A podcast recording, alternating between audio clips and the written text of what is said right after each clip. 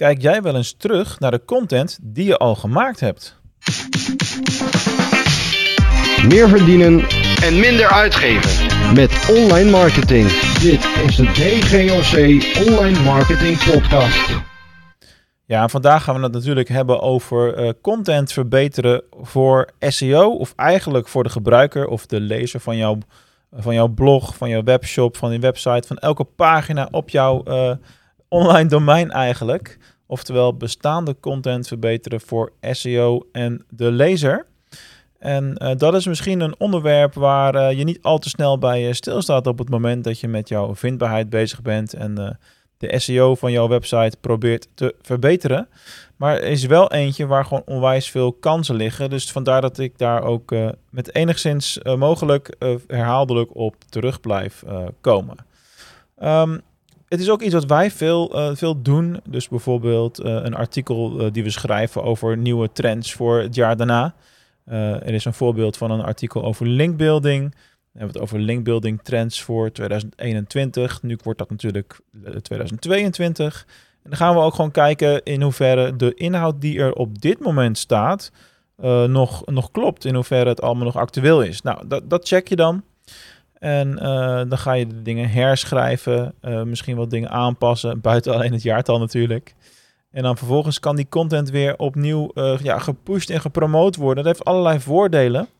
En omdat je daardoor content promoot die al een keer een ranking in Google heeft gerealiseerd. Dus je krijgt eigenlijk een extra boost op iets wat er al was en wat niet vanuit het niks hoeft te komen. Dat is al een hele belangrijke reden om je bestaande content te willen gaan updaten. Nou, ik heb er nog een aantal eh, voor je.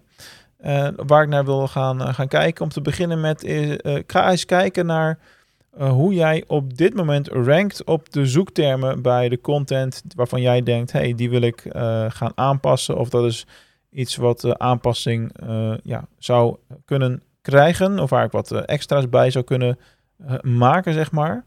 Want als jij nu ziet bijvoorbeeld dat toen het artikel net gepubliceerd was, je misschien in de top 3 kwam en het zakt nu weg naar 5, 6, 7 of zelfs lager. Hè, van pagina 1 af, zeg maar. Dan juist moet je zo'n update gaan, gaan maken, de content actualiseren en hem opnieuw gaan promoten. Want dan is het veel makkelijker om ermee te scoren. Dus eh, hou je rankings daarvoor ook in de gaten. Er zijn natuurlijk allerlei programma's voor. Eh, wij gebruiken een SE-ranking, maar je kunt ook SEMrush gebruiken of, of Moz of al die andere tools die daarvoor eh, beschikbaar zijn. Eh, mocht je daar overigens zelf totaal geen zin in hebben, neem dan vooral even contact met ons op. Dan gaan wij dat onderzoek voor jou doen. En houden wij dat allemaal in de gaten voor je. En eh, dat begint bij ons altijd met een strategische call. Dus ga naar dgoc.nl slash call met C-A-L-L. En ja, boek een gesprek in om te kijken naar de mogelijkheden. Goed, terug naar de content hier van de podcast. Eh, natuurlijk, kijk of je content nog actueel is. Dus ehm, ja, moet er wat verbeterd worden? Zijn er dingen die ik nu opgeschreven heb eh, nog, nog correct? Bijvoorbeeld, eh, wat bij mij vaak gebeurt, is dat ik kijk naar artikelen rondom Google Ads van drie, vier jaar geleden of, of langer, soms zelfs korter trouwens. En dan moet vaststellen dat bijvoorbeeld bepaalde dingen veranderd zijn. Als ik een artikel heb geschreven over advertentie-extensies, om maar even een uithoek te noemen. Ja, daar gaat er regelmatig eentje weg die eh, in gebruik was. En er komt er ook regelmatig eentje bij. Dus dat zijn dingen die je wil actualiseren. Eh, dus wat je dan gaat doen in essentie is je gaat de content die je hebt beoordelen op correctheid, op actualiteit. Je gaat hem herschrijven. En als je dan toch bezig bent, kun je hem vaak ook wat langer maken. Wat ook vaak goed is voor de vindbaarheid. En dan ga je hem opnieuw publiceren. Dus wat ik, wat, wat ik heel veel partijen zie doen, is dat ze dan zeggen: Nou, dit artikel is voor het eerst gepubliceerd in januari 2015. En nu in eh, augustus 2021 eh, hebben wij hem eh, geactualiseerd voor het laatst.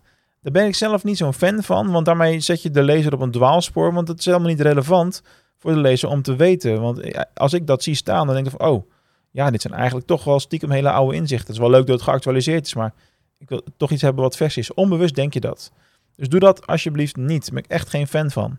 Uh, dus wat ik vaak doe bij zo'n artikel is hem gewoon opnieuw publiceren met de datum van vandaag op het moment dat ik hem geactualiseerd heb. En dan gaat hij ook gewoon weer helemaal automatisch bovenaan opnieuw uh, in het blog. En uh, ja, is het net alsof het een compleet vers artikel is voor de buitenwereld. En dat is niet misleidend of zo. Dat is gewoon omdat op dat moment heb jij beoordeeld dat die content actueel, vers en toepasselijk is voor jouw lezerspubliek.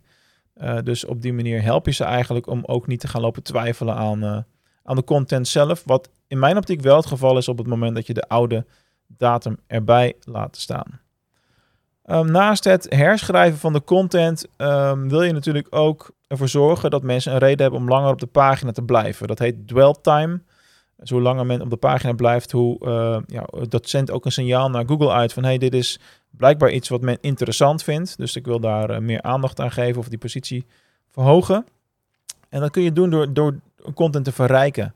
Dat is ook wat ik regelmatig met deze podcast doe. Bijvoorbeeld voor de artikelen in onze kennisbank. Dan hebben wij een kennisbankartikel geschreven, zoals over het, uh, de podcast van afgelopen week bijvoorbeeld. Die komt niet vanuit een blog, maar die komt vanuit een kennisbankartikel. En dan plaatsen wij de podcast player in het artikel zelf. Ja, en dan kan het zijn dat mensen daardoor uh, ook naar de podcast gaan of zich abonneren of uh, hem daar afspelen zelfs.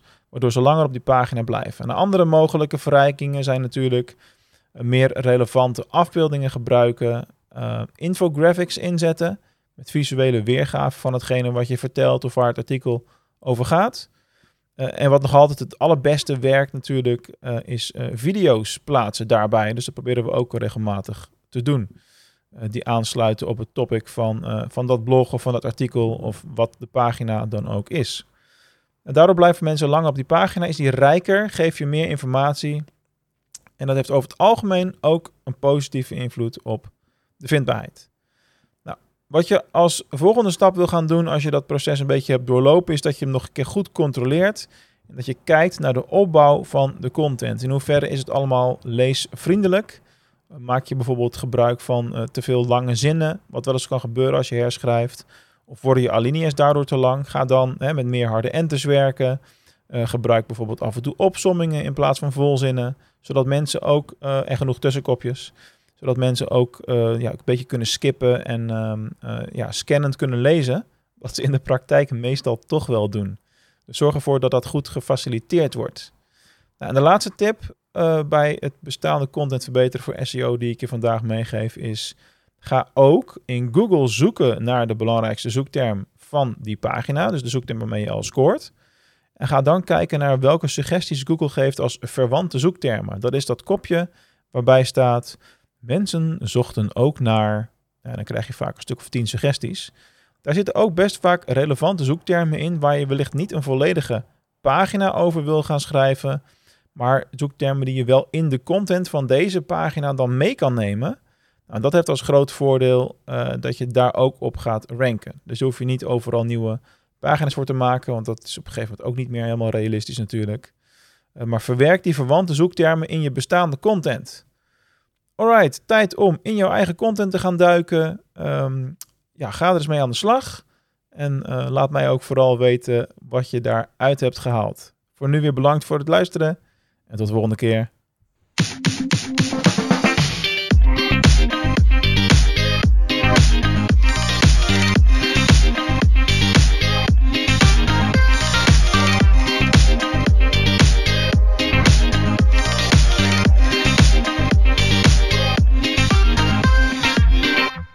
En ga nou niet direct de volgende podcast luisteren. Hè? Zeker niet als je wat later in het jaar uh, luistert, als er al wat meer afleveringen staan.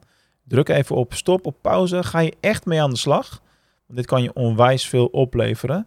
En uh, laat me even weten wat je resultaat is over een tijdje. Dus stuur me een DM of een berichtje via de site dgoc.nl. Ik ben benieuwd wat je hier daadwerkelijk uithaalt. Bye!